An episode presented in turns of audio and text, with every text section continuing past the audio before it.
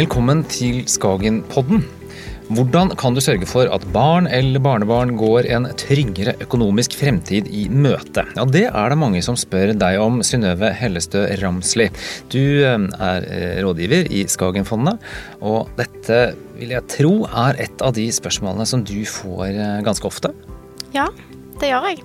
Det er en del småbarnsforeldre som tar kontakt med oss når de har gjerne hatt navnedag eller barnedåp og har fått en pengesum til barnet. Og da tenker de hva skal vi gjøre for å få Eller hvordan skal de investere disse midlene? Og hva sier du da? Er det i det hele tatt noe vits i å spare til barn? Ja, det er veldig viktig. Eh, det er jo det at disse barna, de vokser. Eh, og en gang så blir de store, så skal de ut i voksenlivet. De skal gjerne ta sertifikatet, de skal studere. Eller de skal gjerne òg kjøpe, eller mest sannsynlig kjøpe en leilighet. Eller ut på boligmarkedet. Eh, og da har du jo så mange år foran deg her, så det er viktig da også å få de godt investert. Og hva er det du pleier å si til disse småbarnsforeldrene, eller besteforeldrene for den saks skyld, eh, som ringer inn og, lurer på hva, hva, de skal gjøre? Hva pleier du å fortelle dem? Jo, altså dette er jo lange penger. Pengene skal gjerne stå fram til de er 18, 18 25 år. Eh, og da er jo da er det dumt å sette dem på bank, for da vet en at en ikke får noe igjen for dem. Så aksjesparekonto, det er løsningen der de kan sette inn i aksjefond. Så aksjefond, eh, langsiktig sparing i aksjefond, det er det som liksom er trikset? Ja, for at da vil de pengene vokse eh, fremover. Og forhåpentligvis så vil da denne aksjesparekontoen være eh, en større ha en større beholdning om, om eh, 18 til 25 år. Og så er det vel også sånn at tiden hjelper deg ganske mye når, de, når man sparer i eh, aksjefond. Nettopp. Det er jo det som er alfa og omega. Tiden er jo vennen din her. For at du har så mange år. Eh, og sparende i aksjefond, så er jo det den formen Altså det er jo den spareformen som gir best avkastning over tid. Du har en rentes renteseffekt. Pengene står der og vokser. Følger markedet. Men i stort sett så ser vi at markedet alltid eh, tar seg opp, eller gir god avkastning over tid. Veldig bra. Ok, Hva gjør man for å komme i gang? Hva er det første man må gjøre? Først og alt så vil jeg jo anbefale at en etablerer en aksjesparekonto til barnet. Og så tar en kontakt med gjerne rådgiver i banken eller en fondsleverandør for å få litt informasjon om hvordan en kan investere. Eh, og da er det liksom dette med hva skal en velge. Det kan være litt vanskelig å vite hvilke fond en skal velge. Men eh, jeg vil si det at hvis en velger et globalt fond eh, som en hovedvekt, og så kan en tilføye nordiske og globale vekstmarkeder, i profilen, så, ha, så har han liksom en god dekning utover hele verden. Men hvis du syns det høres veldig komplisert ut, så Så er det bare å ta kontakt med kontaktpersonen i banken eller hos fondsforvalteren, så vil de kunne hjelpe deg. Mm. Eh, så det, det, med at det, det, er jo svingninger i markedet, ikke vær bekymra for det. Tenk heller ha, å ha en god spredning av investeringene i det globale markedet. Men er det ikke veldig dyrt, da? Å spare? Mm. Altså, det er jo dyrt å kjøpe gaver òg, så her bestemmer du hvor mye du ønsker å gi. Og så kan du spare Altså, du kan gi en gave, eller du kan spare alltid fra 250 kroner. Gjerne litt forskjellig hos de forskjellige leverandørene, men hos Skagen så kan du gi en gave på 250 kroner. Eller mer, hvis du ønsker. Selvfølgelig. Mm. Du, eh, et av de spørsmålene som, eh, som, du og dine kollegaer jobber aller mest med, det er hvilke fond skal jeg velge. Nå har vi snakket om at det beste eh, for langsiktig sparing, det er en kombinasjon. Eh, hvis man syns det høres veldig vanskelig ut, finnes det noen alternativer? Ja, det gjør det òg. Så det er, det er, ikke så vanskelig som det høres ut som. Eh, men det er jo, finansspråket kan jo av og til være, være litt sånn, ja, vanskelig. Men vi har kombinasjonsfond, der du kan velge 100 i aksjer.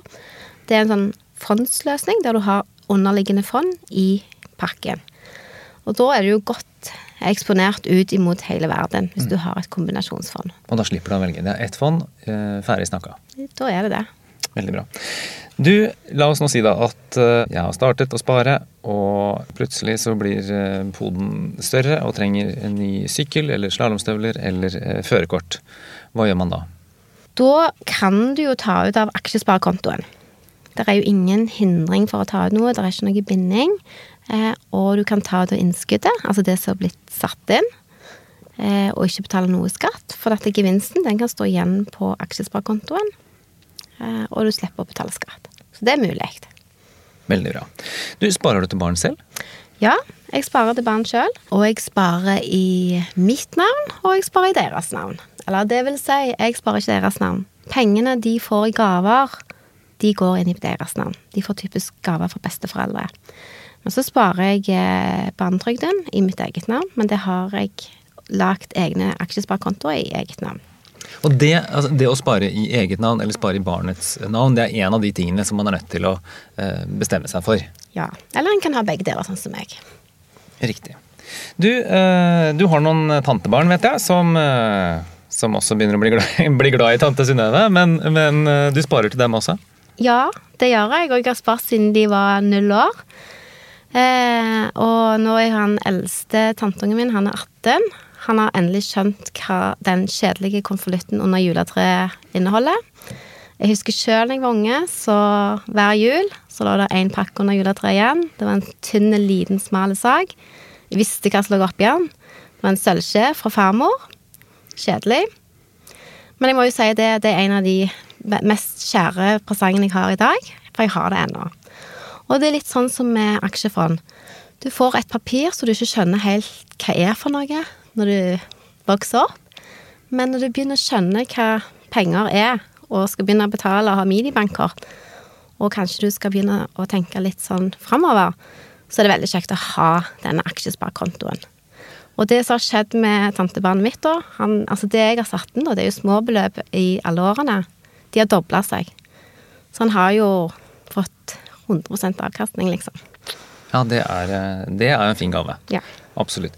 Og så har det vel en annen effekt også, nemlig at uh, man har en anledning uh, og mulighet til å lære litt om økonomi. Absolutt. Det er jo litt av vårt ansvar òg at ungene må lære seg å spare penger. Fordi det, en kan ikke bruke opp alt. Så det er en veldig fin start for ungene å vise til hva har pengene vokst, hvor, hvor mye har pengene vokst i den perioden.